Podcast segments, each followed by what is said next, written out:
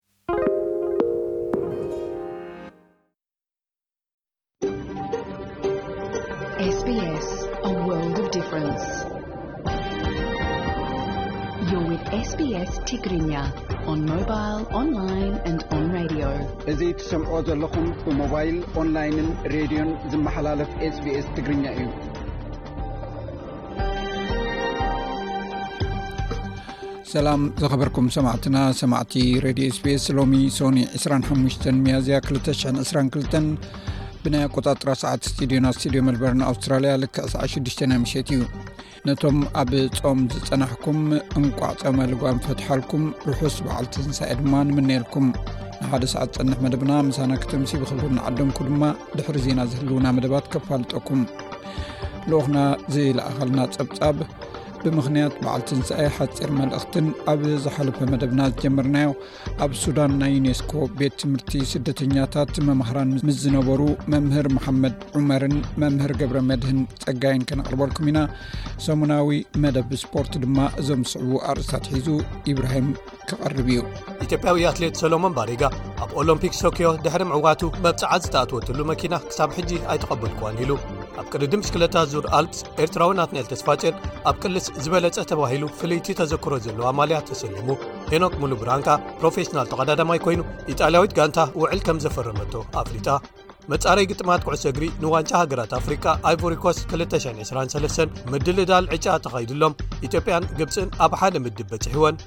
ኣዳለውቲ ግጥማት ባይታ ቴኒስ ዊንብልደን ሩስያውያንን ቤላሩስያውያንን ተፃወቲ ከይሳተፉ ዝኽልክል ዝወሰድዎ ውሳነ ተቃውሞታት ገጢምዎን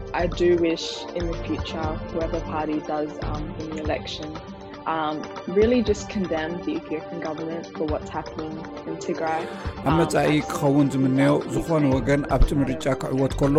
መንግስቲ ኢትዮጵያ ነቲ ኣብ ትግራይ ዝፍጸም ዘሎ ነገራት ክኹንኖ እዩ እዚ እውን ኣብ ናይ ዜና ትንታነ ዝቐርብ መደብ እዩ ኩሎም ትሕዝቶታትና ብቐደም ሰዓብ ግዜኦም ሓልዮም ክቐርቡ እዮም ነዚ መደብ ክትከታተሉ ዝዕድመኩም ኣዳላውን ኣቕራብንዚ መደብ ቤየነሰመረ ሕጂ ብቐጥታ ናብ ዕለታዊ ዜና ክሕልፈኩም ኣርስታት ዜና ኣውስትራልያውያን ንመዓልቲ ኣንዛክ ንምዝካር ብንግህኡ ተኣኪቦም ኣርፊዶም ኢማኑኤል ማክሮን እንደገና ፕረዚደንት ፈረንሳ ኮይኑ ተመሪፁ ኣብ ቅድዲ ምስክለታ ዙር ኣልፕስ ኤርትራዊ ናትንኤል ተስፋፅን ኣብ ቅልስ ዝበለፀ ተባሂሉ ፍልይቲ ተዘክሮ ዘለዋ ማልያ ተሰሊሙ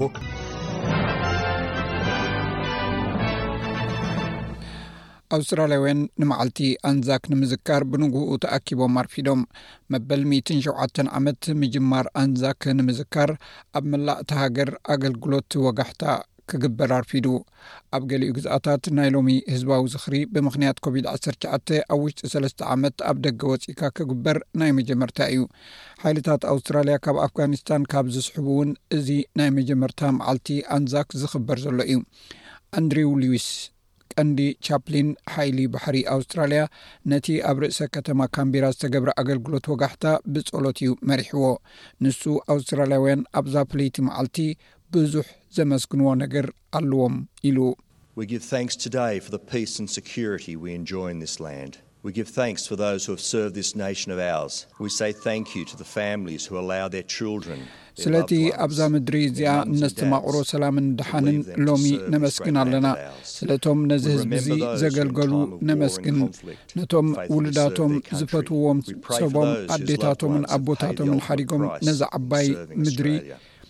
ከገልግሉ ዝፈቐዱሎም ስድራ ቤታት ነመስግኖም ኣብ ግዜ ውግእን ህውከትን ንሃገሮም ብተኣማንነት ዘገልግሉ ሰባት ንዝክሮም ኣለና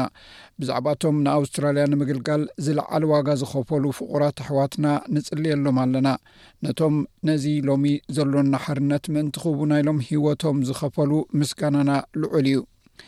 እቲ ኣገልግሎታት ብማርችታት ናይ ሓርበኛታትን ካልእ ንጥፈታትን ተመሪሒ እዩ ክካየድ ውዒሉ ኣብ ወፃኢ ሃገር ኣብ ፈረንሳ ቱርኪ ታይላንድ ማሌዥያ ፓፓ ኒው ጊኒ ተመሳሳሊ ስነ ስርዓት ዝኽሪ ሰማእታት ኣንዛክ ክካየድ ውዒሉ ቀዳማይ ሚኒስትር ስኮት ሞሪሰን ነቲ ኣብ መንጎ ናይ ኣውስትራልያ ኣብ ውግእ ዘርኣየቶ ተመክሮን ኣብ ዩክሬን ዘሎ እዋናዊ ኩነታትን ዘሎ ኣነጻጺሩ ሎሚ ብምኽንያት ዝኽሪ መዓልቲ ኣንዛክ ጎስጓስ ፌደራላዊ ምርጫ ደው ኢሉ ይውዒሉ ሚስተር ሞሪሰንን ምክትል መራሒ ተቃዋሚ ሪቻርድ ማርለስን ኣብ ዳርዊን ኣብ ዝተገብረ ናይ ወጋሕታ ኣገልግሎት ተኻፊሎም እዮም ሚስተር ሞሪሰን ነቲ ዝኽሪ ኣመልኪቱ ኣብ ዝሃቦ መግለፂ ኣብ መንጎቲ ኣብ ዝሓለፈ እዋን ኣውስትራልያ ዝገበረቶ ኩናትን ኣብዚ ግዜ እዚ ኣብ ዩክሬን ዝግበር ዘሎን ምምስሳሉ ገሊፁ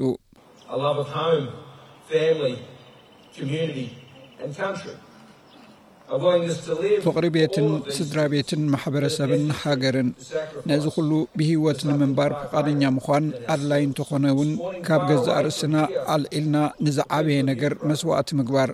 ሎሚ ንግሆ ካብ ዝርሕቆም ዝነብሩ ህዝቢ ዩክሬን ነዚ ኦም ዝገብሩ ዘለዉ ኣብዛ ፍልይቲ መዓልቲ ነቶም ምእንቲ ሓርነትናን ናጽነትናን ዝተቓለሱ ከነኽብር ከለና ምስቶም ኣብዚ ህሞት እዚ ከምኡ ዝገብሩ ዘለዉ ህዝቢ ዩክሬን ኢና ደው ኢልና ዘሎና ኢማኑኤል ማክሮን እንደገና ፕረዚደንት ፈረንሳ ኮይኑ ተመሪፁ እቲ ወዲ ኣርባዓን ኣርባዕተን ዓመት ንመቓንቐንቱ ማሪን ለፔን ብምስዓር እዩ ንካልኣይ ግዜ ፕረዚደንት ፈረንሳ ብምዃን ንሳልሳይ ግዜኣ ከም እትሰዓር ገይርዋ ዘሎ እቲ ናይ ሎሚ ዝረኸቦ ድምፂ ግና ካብቲ ናይ 217 ጎዲሉ እዩ ሚስተር ማክሮን ንዓወቱ ኣብ ዝገለፀሉ እዋን ነቶም ንሚስ ለፔን ድምፆም ዝሃቡን ነቶም ድምፂ ዘይሃቡን ፈረንሳውያን ንኩሎም ኣመስጊኑ ዋላ ሓደ ከየዳለወ ነታ ሃገር ከም ዘሕብራ ድማ መብጽዓኣት እዩ። ኣብዚ ናይ ካልኣይ ግዜ መሪሕነቱ ካብቲ ናይ መጀመርታኡ ኣዝዩ እተፈልየ ከም ዝኸውን ድማ ተዛሪቡ። እዚ ሓድሽ መዋእል እዚ ቀጻልነት ናይተን ቅድሚ ሕጂ ዝነበራ ሓሙሽተ ዓመታት ዘይኮነስ ሓባራዊ ምህዞ ናይ ሓሙሽተ ዝሓሸ ዓመታት ኣብ ኣገልግሎት መንእሰያት ሃገርና ዘተኩር ክኸውን እዩ።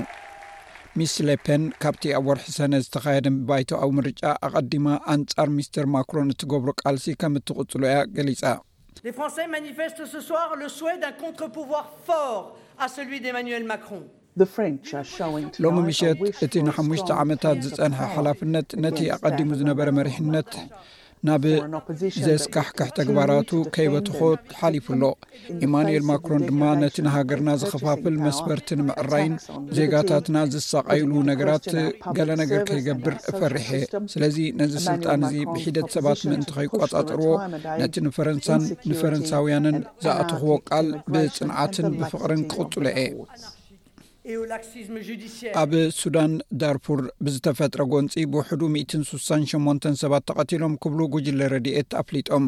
ኣብ ምዕራብ ዳርፉር ኣብ ዝርከብ ክሬንቲንክ ዝበሃል ከባቢ ዝተገብረ ውግእ ካልኦት ተስዓን ሸሞንተን ሰባት ከም ዝቆሰሉ ሓደ ሱዳናዊ ጉጅለ ረድኤት ሓቢሩ ኣብቲ ብኲናት ዝሕመስ ዘሎ ዞባ ዳርፉር ሱዳን ኣብ መንጎ ኣዕራብን ኣዕራብ ዘይኮኑን ብዝካየድ ዘሎ ውግእ እዮም ብውሕዱ 168 ሰባት ከም ዝተቐትሉ ሓደ ሱዳናዊ ግጅለ ረድዩት ዝገለጸ ወሃብ ቃል ናይ ሓፈሻዊ ተሓጋገዝቲ ስደተኛታት ከምኡውን ኣብ ዳርፉር ዝተማዛበሉ ኣዳም ጀማል ብሰንበት ኣብ ከባቢ ክሬንቲንግ ናይ ምዕራብ ዳርፉር ኣብ ዝተገብረ ኩናት ቴስዓን ሸሞንተን ካልኦት ከም ዝቆሰሉ ገሊጹ ኣሎ ኣጉራዊ ኮሚተ ቀይሕ መስቀል ንሰበ ስልጣን ናይቶም ዝቆሰሉ ሰባት ናብ ሆስፒታል ብድሓን ክኣትዉ ከረጋገጹ ጸዊዑ እቲ ኣብ ዳርፉር ብ203 እተላዕለ ግጭት ኣብቲ እዋን እቲ ፕረዚደንት ዝነበረ ናይ ዑመር ኣልበሽር ዓረባዊ መንግስቲ ኣብ ልዕሊ ህዝቢ ዳርፉር ኣድልዎ ይፍጽም ኣሎ ብዝብል እዩ ተቓውሞ ተላዒሉ። መንግስቲ ኣልበሽር ነቲ ዝተላዕለ ተቓውሞ ብዕጡቓት ጃንጃዊድ ብምውፋር ግብረ መልሲ ሂቡ። እዚ ጉጅለ ብቐንዱ ካብ ሰበኽ-ሰገማዊ ቀቢላታት ዓረብ ዝተመልመለ ኮይኑ፣ ከም ቅትለት፣ ጾታዊ ዓመጽ፣ ምዝራፍን ዓድታት ምንዳድን ዝኣመሰለ ግፍዕታት ፈጺሙ ተባሂሉ ይኽሰስ። ብመሰረት ኣሃዛት ውድብ ሕቡራት ሃገራት፣ እቲ ግጭት ሰለስተ ሚእቲ ሽሕ ሰባት ቀቲሉ፣ ክልተ ነጥቢ ሓሙሽተ ሚልዮን ድማ ኣመዛቢሉ። ሚኒስተር ምክልኻል ፒተር ዳተን ሰላም ክንዕቅበሉ እንኽእል እንኮ መገዲ ንውግእ ብምድላው እዩ ኢሉ ሚስተር ዳተን እቲ ኣብ ዩክሬን ዝግበር ዘሎ ውግእ ቻይና ኣብ ሰላማዊ ውቅያኖስ ዘለዋ ፅልዋ እናወሰኸ ይኸይድ ከም ዘሎ ዘዘኻኽር እዩ ድማ ኢሉ ምክትል መራሒ ሰልፊ ለበር ሪቻርድ ማለስ ምስ ቀዳማይ ሚኒስትር ኣብ ዳርዊን ኣብ መዓልቲ ኣንዛክ ድሕሪ ምስታፉ ነቲ ሓሳብ ምላሽ ይብሉ ኣሎ ብርግጽ ክንዳሎ የድልየና እዩ እንተኾነ ግን ኣብ ትሕቲ እዚ መንግስቲ ዝግበር ምድላው ኣይረኣናን ቃላት ሓደ ነገር እዩ ተግባር ከዓ ካልእ እዚ መንግስቲ እዚ ኣፍ ልቡ ዝሃርም መንግስቲ እዩ ብሓቂ ንምድሓን እቲ ክግበር ዘለዎ ምግባር እዩ እዚ ንሪዮ ዘለና ግን ብተደጋጋሚ ፍሽለት ዘጋጠሞ ዘሎ መንግስቲ እዩ ሚኒስተር ጉዳያት ወፃኢ እስራኤል ያይር ላፒድ ሓማስ ኣብቲ ኣብ የሩሳሌም ኣዝዩ ተኣፋፊ ዝኾነ ቅዱስ ቦታ ህውከት ከም ዘለዓሉ ከሲሱ ኣሎ ኣብዚ ቀረባ መዓልትታት ኣብ መንጎ ፍልስጢማውያንን ፖሊስ እስራኤልን ኣብ መስጊድ ኣልኣቕሳ ዝርከብ ቦታ ግጭት ከም ዝተፈጥረ ተፈሊጡ ኣይሁድ ነቲ ቤት መቅደስ ከረን ኢሎም ዝፅውዕዎ ፖሊስ እስራኤል ኣብዚ ግጭት እዚ ከቢድ ስጉምቲ ወሲዱ ተባሂሉ ይኽሰስ እንተኾነ ግን ሚስተር ላፒድ ሓማስ ነቲ ቅዱስ ቦታ ከም ዝወረሮ ብምግላጽ ንመንእሰያት ፍልስጢማውያን ኣንጻር ፖሊስ ኣእማን ኣእማንን ርችትን ክድርብሎም ተየተባብዕ ኣሎ ኢሉ ንሓማስ ከሲሱ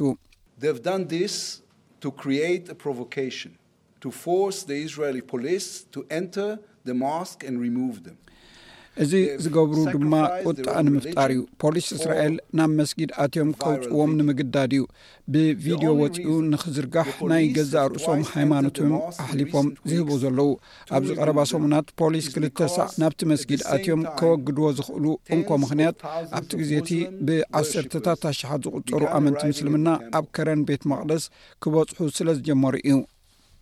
ኣብ ናይጀርያ ኣብ ዝርከብ ዘይሕጋዊ መጻረዪ ነዳዲ ልዕሊ ሓደ ሚእቲ ሰባት ብነታጒ ሞይቶም። ናይ ናይጀርያ ፕረዚደንት መሓመድ ቡሃሪ ድሕሪ እቲ ፍጻሜ ኣብ ዶብ ግዝኣታት ሪቨርስን ኢሞን እናስፋሕፍሐ ዝኸይ ዘሎ ዘይሕጋዊ ምጽራይ ነዳዲ ስጉምቲ ከም ዝወስድ ኣፍሊጡ ኣሎ።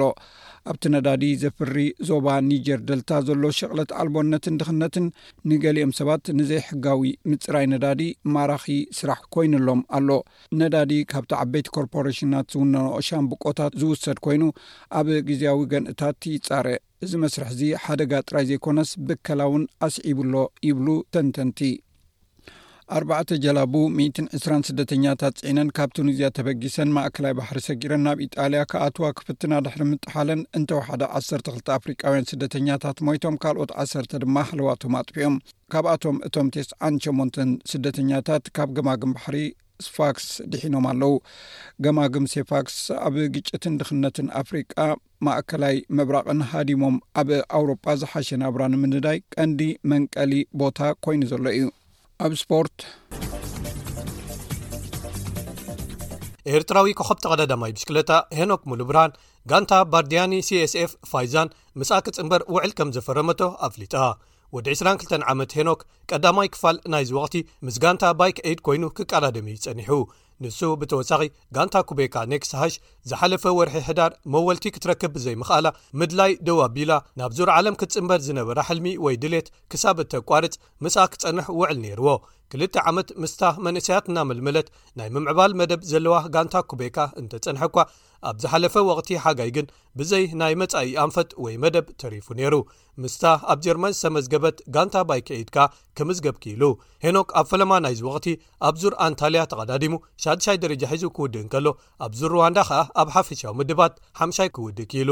ድሕሪኡ ግን ተዓዋቲ ሻምፕዮና ቅድድም ብሽክለታ መንገዲ ኣፍሪቃ ኮይኑን ኣብ ቅድድም ቅልጣፈ ግዜ ከኣ ካልኣይ ወጺኡን። ኣብቲ እዛ ሓዳስ ጋንትኡ ዘውጽኣቶ መግለጺ ሄኖክ ንቤተሰብ ሪቨር በሪን ነዛ ጋንትኡን ስለቲ ዝሃብዎ ዕድል ዘመስገነሉ ናይ ቪድዮ መልእኽቲ ዘርጊሑ። ነታ ጋንታ ልዑል ውፅኢት ከመዝግብ ድሌቱ ከም ዝኾነን ኣብ ፅቡቕ ብቕዓት ክህሉ ተስፋ ከም ዘለዎን ከኣ ወሲኹ ገሊጹ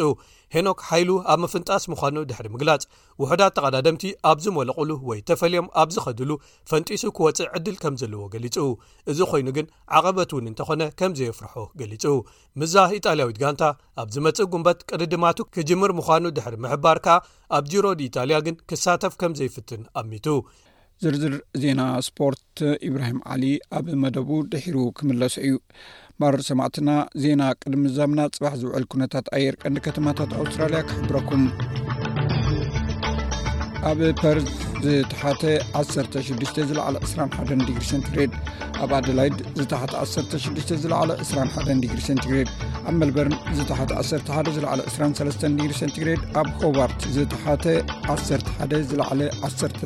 ትሸዓተ ዲግሪ ሰንቲግሬድ ኣብ መልበርን ዝተሓተ ትሽዓተ ዝለዕሊ 22 ዲግሪ ሰንቲግሬድ ኣብ ካምቢራ ዝተሓተ ሸሞንተ ዝለዕሊ ዓሰርተ ትሽዓተ ዲግሪ ሰንቲግሬድ ኣብ ሲድኒ ዝተሓተ ዓሰርተ ሓሙሽተ ዝለዕሊ ዕስራን ሰለስተን ዲግሪ ሰንቲግሬድ ኣብ ብሪስበን ዝተሓተ ዓሰርተ ሸውዓተ ዝለዕሊ ዕስራን ኣርባዕተን ዲግሪ ሰንቲግሬድ ኣብ ዳርዊን ዝተሓተ ዕስራን ሓሙሽተን ዝለዕለ ሳላሳን ኣርባዕተን ዲግሪ ሰንቲግሬድ ሰማዕትና ዜና ወዲእና ኣለና ንኹሎም ኣመንቲ ክርስትና ርሑስ በዓል ትንሳኤ ክኾነልኩም ደጊምና ንምነ ምሳና ፅንሑ